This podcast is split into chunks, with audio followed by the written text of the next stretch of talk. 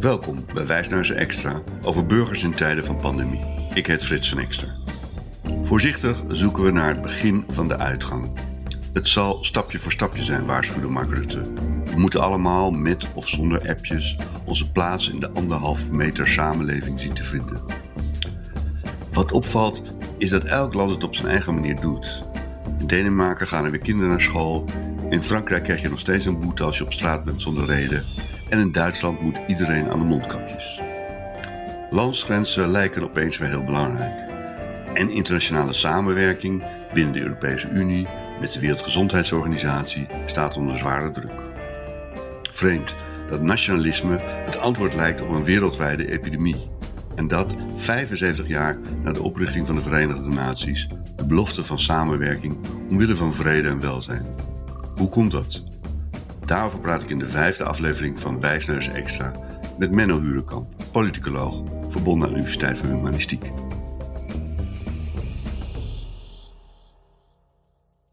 Hallo Menno. Ha Frits. Hoe is het met jou? Goed genoeg naar omstandigheden. Het begint me wel een beetje de keel uit te hangen om elke dag in dezelfde omstandigheden te moeten werken en niet uh, ja, weinig, te weinig buiten te komen naar mijn smaak en te weinig onder de mensen. Het zijn natuurlijk maar kleine klachten. Ja, wat er klein bier, maar toch. Is. Maar, um, ja. ja, je snakt toch naar uh, waar we allemaal mee bezig zijn, naar het begin van uh, de uitgang. En uh, ik moet zeggen dat als ik dan de, de kranten lees en de, en, en de televisie kijk, dat, dat, ook wel enigszins in verwarring ben. Ik bedoel, aan de ene kant zie je dan in Denemarken dat er weer kinderen naar school of de crash kunnen. Ja. En dat is wel heel aantrekkelijk uh, ja, dat je... beeld van het nieuwe. Hè? Dat is wel het oude normaal, wat dan weer een nieuwe normaal mag. Um, maar tegelijkertijd, als ik naar kijk wat er in andere landen gebeurt, dan, um, ja, dan zie ik heel verschillende dingen. Ik bedoel, Merkel die duidelijk maakt dat hoe we ook uh, de uitgang gaan uh, vinden, dat we in ieder geval mondkapjes daarin heel belangrijk zijn. Ja. En uh, Mark Rutte, die zegt van nou nee, mondkapjes, dat, dat moeten we nu maar niet doen, want het voegt niks toe. Dat vind ik wel verwarrend allemaal. Ik, ik, volgens mij vindt iedereen dat verwarrend. Volgens mij speelt er de hele tijd bij veel mensen, in ieder geval um, bij mij en ik denk ook bij jou en ik denk bij iedereen die een beetje probeert het nieuws te volgen, op de achtergrond telkens toch de gedachte mee van wat raar. In heel veel landen om ons heen sjouwen mensen met mondkapjes nu. Vroeger was dat een beetje een raar soort ding dat Aziaten deden, maar nu zie je dat toch op allerlei terreinen. Eh, en eigenlijk alleen in Nederland wordt er hardnekkig gezegd: nee hoor, dat is allemaal maar schijnveiligheid. Maar je komt niet helemaal achter het, het echte argument, want er zijn twee argumenten. Eén, het voegt te weinig toe. Het is schijnveiligheid misschien zelfs. En twee, we hebben ze gewoon niet. Ja, maar dat laatste, nodig voor de zorg. Dat laatste wordt eigenlijk nooit met zoveel woorden gezegd. Maar nou ja, het wordt er wel als argument bijgegeven van ja, we, we, we, hebben ze vooral nodig voor de mensen in de, in de, in de zorg. Ja, en, en zelfs daar is dan een beetje de vraag wie ze wel krijgen en wie ze niet krijgen. Maar het komt, er speelt toch, en dat is niet, volgens mij toch niet gunstig voor um, uh, ja, hoe mensen naar de staat kijken. De hele tijd een beetje de redenering op de achtergrond door. Um, omdat we ze niet hebben, vinden we het niet belangrijk. Um, omdat, omdat, omdat we er nou eenmaal niet, uh, geen dingen op voorraad hebben, gaan we ook zeggen dat je, dat je er niks aan hebt. Uh, ja. ja, ook een beetje zoals met het testen eigenlijk.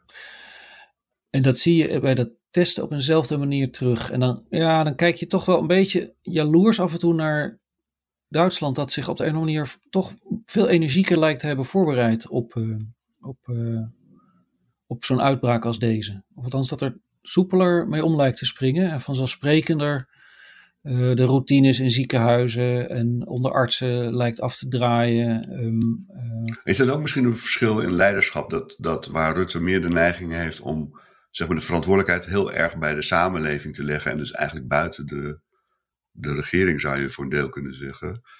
Uh, terwijl het in Duitsland toch meer aan de regering is om de burgers te zeggen wat ze moeten doen.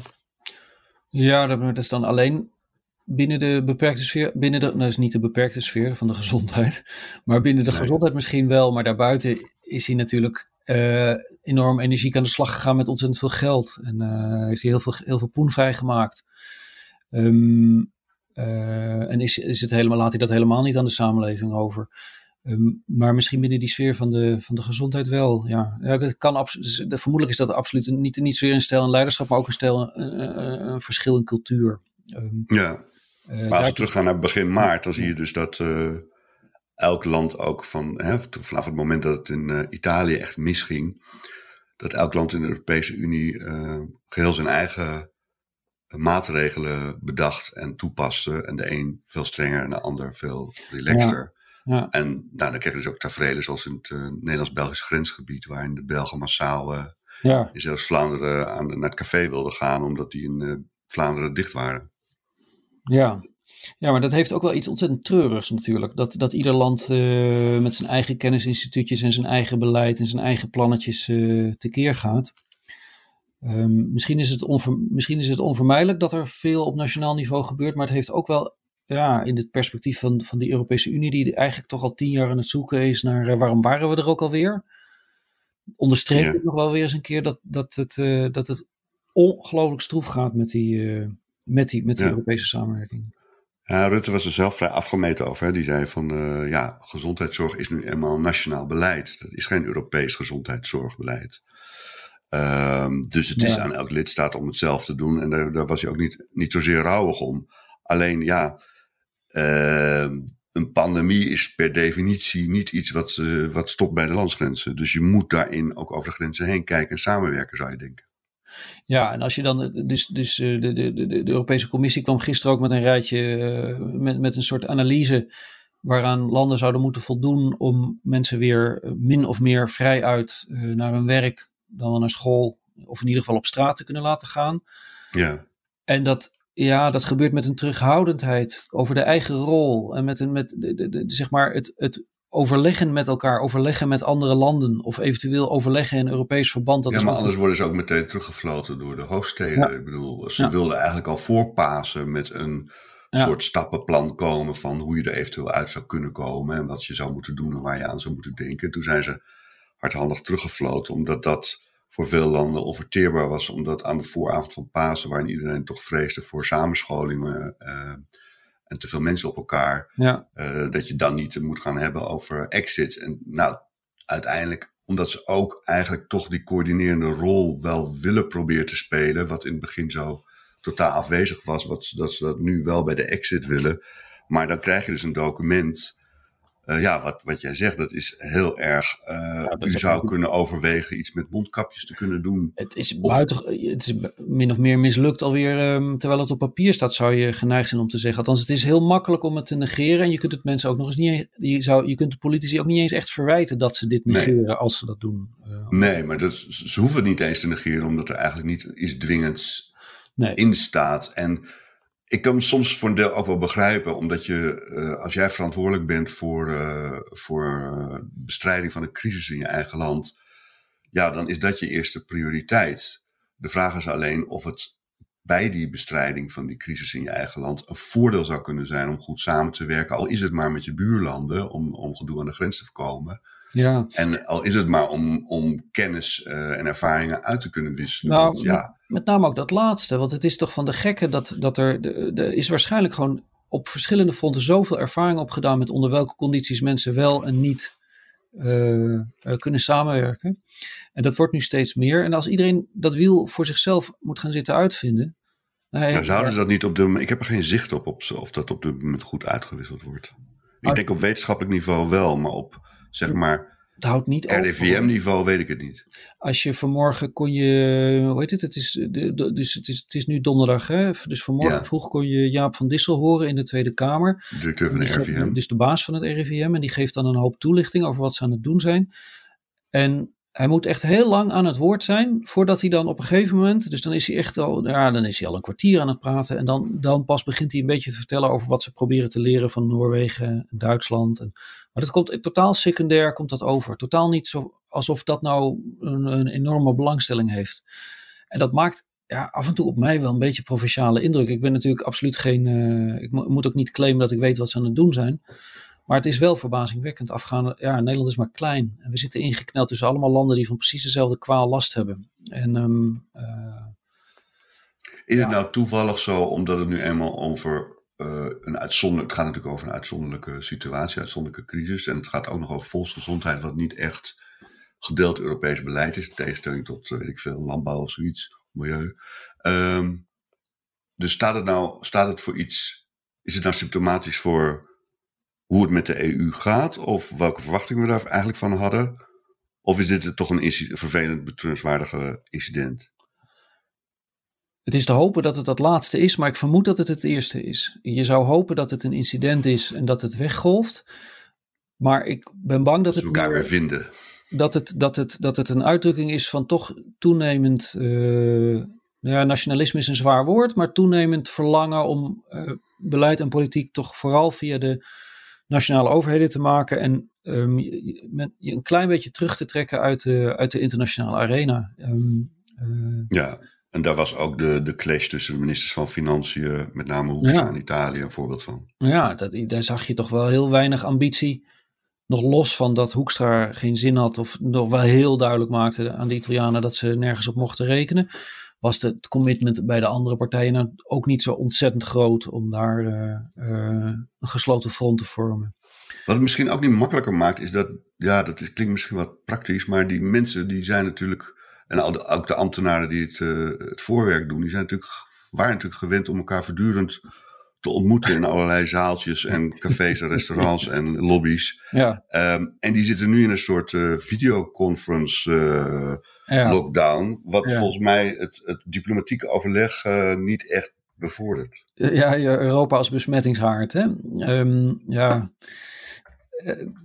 Dat, dat klopt. En dat klopt tegelijkertijd denk ik ook niet. Want we zijn, veel mensen zijn nu uh, via videoconferencing en dat type dingen aan het werk. En ik sluit niet uit dat een flink deel van, van het soort werk dat eerst in vergaderzaaltjes gedaan werd en nu, uh, hoe heet het? Um, uh, via, via schermpjes. Het zou zomaar kunnen dat het productiever blijkt te zijn. dus dat, ik, is dat ook jouw ervaring? Want jij doet dat vast ook en ik doe het ook met mijn clubjes. Um, het is aan de ene kant lijkt het veel geconcentreerder je werk. Maar aan de andere kant moet je, moet je, moet, is het veel meer, het laat minder ruimte voor improvisatie, oogcontact, uh, subtiele hintjes of desnoods een schop onder de tafel. Ik weet het niet. Ik heb op, inmiddels, vind ik het zo, het werkt bij mij vooral, ik dwing mezelf om veel productiever te zijn, sneller dingen af te hebben, dat ik op een gegeven moment denk van nou, nu, nu heb ik vandaag genoeg gedaan. Is het legitiem dat ik nu stop. En dan merk ik dat ik, dat, dus ik werk hard toe naar het punt dat ik tegen mezelf kan zeggen, nu is het genoeg geweest voor vandaag. En ik, ik denk dat ik gemiddeld genomen productiever ben, eerder dan, dan minder productief. Gewoon omdat ik er eigenlijk sneller vanaf wil. Uh, ja, maar ja daar hadden Hoekstra en zijn collega's, uh, eh, 26 collega's, geen, geen last van, want die vergaderingen duurden. Ja, maar vrienden, dat is een ritueel. Dat is, het, ja. Die vergaderingen moeten altijd. Dat is ouderwets eigenlijk. Dat hoort. Dat, dat, dat is al zo, sinds mensenheugenis komen ministers verslagen uit vergaderingen om zes uur s ochtends in Brussel twee avonden achter elkaar. En dan de derde avond, verrassing, verrassing, dan zijn ze eruit. Ja, dat... ja maar het is wel ongebruikelijk dat, dat ministers van Financiën elkaar, elkaar voor rotte vis uh, uitmaken. Dat is natuurlijk wel uh, ongebruikelijk. En, en dat lijkt toch iets te zeggen over het kaliber of de kwaliteit van de, van de samenwerking en de, en de geestdrift om er ook in samenwerking uh, goed ja. antwoord op die crisis te bieden. Maar goed, de, je hoeft, je kunt, als je gewoon de afgelopen jaren kijkt wat er gebeurd is, is er natuurlijk op dat vlak ook, de, de, de, de Europese Unie is echt best wel verzwakt door de Britten die zijn weggelopen. Zowel de Nederlanders als de Fransen die in een referenda hebben gezegd van uh, doe maar even wat minder. Hè, dus richting uh, dat handelsverdrag met Oekraïne, richting ja. uh, de grondwet. Um, dus eigenlijk permanent is er aan de, is er ja, aan de boom geschud om te kijken of er nog iets kapot kon. En er is eigenlijk nooit iemand geweest die heeft gezegd, nu is het genoeg geweest. Althans, niemand die dat met gezag heeft kunnen zeggen. Ik bedoel, Rutte zelf heeft ook tamelijk losse opmerkingen gemaakt over, ja, Europese verkiezingen niet zo belangrijk of iets in die trant. Ja, maar ik kan me ook nog voorstellen dat de premier of een, staatshoofd iets heeft van, uh, hè, mijn huis staat in brand. Ik ga nu uh, blussen en ik ga niet vergaderen met de andere brandweercommandanten die ook hun huis in brand hebben staan. Want dan wekken wij het beeld of van weinig daadkrachtig en vooral van dat we veel met elkaar in, bezig zijn. En dat is misschien iets wat ze ook willen voorkomen. Ja, maar tegelijkertijd zou ik me ook kunnen voorstellen dat op al die mooie persconferenties van Rutte, dat hij, dat hij daar af en toe wat eerder en spontaan en ongevraagd te berden brengt. Ik heb overlegd met Merkel, ik heb overlegd met mijn Belgische collega's, ik heb overlegd met mijn Noorse collega's. Dat hij laat zien dat dat deel uitmaakt van zijn, van zijn, uh, van zijn instrumentarium, van zijn logica. En dat het vanzelfsprekend is dat hij dat gedaan heeft. Ja. En nou, dat type dingen komt alleen maar naar boven als, je er naar vraagt. En dan moet je nog doorvragen ook. Ja. Hey, en in iets breder verband geldt het eigenlijk ook nu een beetje voor de WHO, de Wereldgezondheidsorganisatie van de Verenigde ja, Naties. Waar Trump nou zo uh, op, op losgegaan is. En, uh, ja, ja, en die eigenlijk in het middelpunt zou, zou moeten staan van de bestrijding van de uh, pandemie. In ieder geval van de, het verzamelen van informatie en het voorzien van adviezen en tips en wat dan niet. -huh. Die moet nu eigenlijk uh, een soort uh, politiek gevecht om zijn bestaan uh, voeren. Ja, maar het, I hate to say it, maar ik, ik, toen ik, als je de argumenten van Trump op een rij zet, dan heeft hij, hij heeft gewoon een punt. Hij moet daar natuurlijk niet op dit moment mee scoren. Het deugt niet. Het deugt niet om op dit moment onrust te zaaien op dat terrein. Zeker niet omdat hij zelf gewoon allerlei. Hij heeft de ene blunder naar de andere gemaakt. En dan is het natuurlijk klassiek om dan maar iemand anders uh, uh, de schuld te gaan zitten geven. Maar zijn punt ten diepste dat China de, de, de, de, de, de, die de Wereldgezondheidsorganisatie gewoon misbruikt heeft. Ja, dat, dat is inmiddels wel duidelijk. En dat de Wereld, Wereldgezondheidsorganisatie dat allemaal heeft laten gebeuren, dat klopt. En dat de Wereldgezondheidsorganisatie in de afgelopen jaren er een paar keer een beetje een rommeltje van gemaakt heeft. En eigenlijk er nooit goed in is geslaagd om de rol te spelen die ze zouden moeten spelen bij het beheersen van dit soort dingen. Ja, dat, dat klopt allemaal. En het is, een beetje, het is ook een beetje raar dat, dat, dat, dat zeg maar Nederland dan nu, althans dat politici in Nederland nu enorm boos zijn over wat Trump te berde brengt. Ja, hij bindt de kat de bel aan en het is vervelend dat hij het doet. Maar het is voor de zoveelste keer, wordt er eigenlijk te weinig gezegd over de zwakke kanten van zo'n internationale organisatie. Totdat een of andere populist het doet. En dan roept iedereen van ja, dat mag niet gezegd worden, het is een schande en dit en dat. Maar ja, er blijft iets van die kritiek was gewoon terecht en had veel eerder geadresseerd moeten worden door. Nou ja, precies. En, door, en, en ik, ik, las deze week in Trouw, heel toevallig. ja, uh, ja, oh, ja. Goeie krant. Misschien wel de beste krant ja, van Nederland. Ja, absoluut. Uh, las ik een artikel over uh, een reconstructie. Het, en dat ging dan met name over de Nederlandse houding ten opzichte van de, ten aanzien van de WHO. En dat er dus. Steenberg, hè? Die, eh, ja. ja, en dat tot niet alleen hij, hij was gezondheidsadviseur, die in opdracht van VWS de, de vraag moest beantwoorden: hoe kan Nederland zich beschermen tegen een pandemie? Ja. Maar er waren meer uh, adviezen daarover. En wat ze vaststelden was eigenlijk: ja, in Nederland beschikken we over een enorme fijne uh, groep uh, wereldvermaarde virologen en, en, en kenners van -huh. dit soort volksgezondheidscrisis. Maar enerzijds is dat toch ook redelijk versnipperd en is er eigenlijk ook niet, houdt volksgezondheid eigenlijk dus ook op bij de landsgrenzen. Net waar we het over hadden, over hoe Rutte daarnaar keek en volksgezondheid in EU-verband. Um, en is het buiten de landsgrenzen, dus bijvoorbeeld hoe, hoe voorkom je dat een pandemie zich aandient, is een zaak van het ministerie van Buitenlandse Zaken. Ja. Die, daar, die daar verder ook geen prioriteit aan geeft. Nee, want daar hebben ze natuurlijk geen artsen uh, nee. op het departement. Dus dan hou je over dat, uh, dat, dat ook de steun uh, om de WHO zijn werk te laten doen door lidstaten als Nederland is verminderd. En dat het geld vooral besteed moest worden aan hele specifieke projecten en veel minder aan hoe krijgen we nou in de wereld een, uh, een gezondheidszorg? We hebben natuurlijk ebola gehad, we hebben SARS gehad. Hoe krijgen we nou een gezondheidszorg die enigszins in staat is om dit soort uh, ja. crisis te lijf te gaan? Nou, dan is het eerlijke antwoord dat ook Nederland uh, er eigenlijk aan heeft bijgedragen dat de WHO daarin, in die taak, is verzwakt. Dat er ook geen visie is op ja, nee. globale gezondheidszorg. Nee, en uh, nee, en het, uh, kijk, het zou ook treurig zijn als nu Nederland besluit, we gaan nu de huidige WHO zoals hij nu is, verdedigen, want Trump heeft hem aangevallen. Dat zou, dat zou wel een beetje, dat zou echt wel een beetje jammer zijn. Maar kijk, wat je ten diepste ziet, denk ik, is dat het gewoon niet in ons voorstellingsvermogen paste dat zoiets als een pandemie ons zou treffen. Het is ook niet voor niets. Nou, dat is niet helemaal waar, hè? Want het is niet voor niks dat destijds het uh, ministerie van Volksgezondheid aan zo iemand als Steenberg gevraagd van joh, hoe zijn wij voorbereid op een pandemie? Hoe beschermen we ons ertegen? Ja, dus maar het is een soort check the wel box. als een reëel risico gezien. Nee, maar dat is een ambtelijke check the box. Dat is gewoon, de ambtenarij weet... De van, oh ja, ambtelijke wat? Check the box? Ja, we moeten die routine van de pandemie moeten we ook doorgemaakt hebben. Nou, dat wordt dan gedaan. Dan kan er gerapporteerd worden, hebben we gedaan. Ja. Maar dan tegen de tijd dat het bij de politiek verantwoordelijke komt, of althans de mensen die daar dus opvolging aan moeten geven, of die daar dus geld voor vrij moeten maken, of eh, mensen voor vrij moeten maken, die denken, oeh, dit is allemaal wel ingewikkeld, dit wordt vast ruzie, weet je wat, ik doe het even in een la.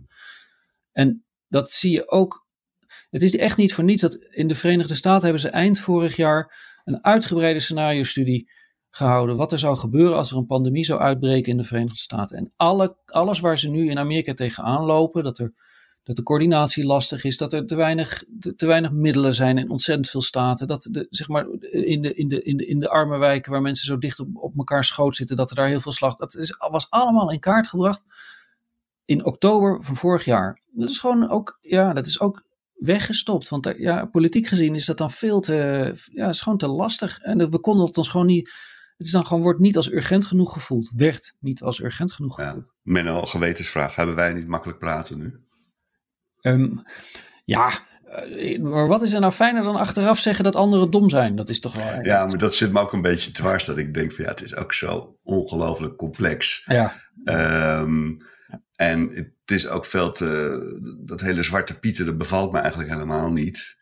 Eh, tegelijkertijd, ja, anderen beginnen er ook mee, zoals Trump tegen de WHO, maar ook eh, de controverse tussen Italië en, en, en, en Nederland. En eh, ook de verwarring, ehm, de mondkapjes wel of niet en waarom wel of niet.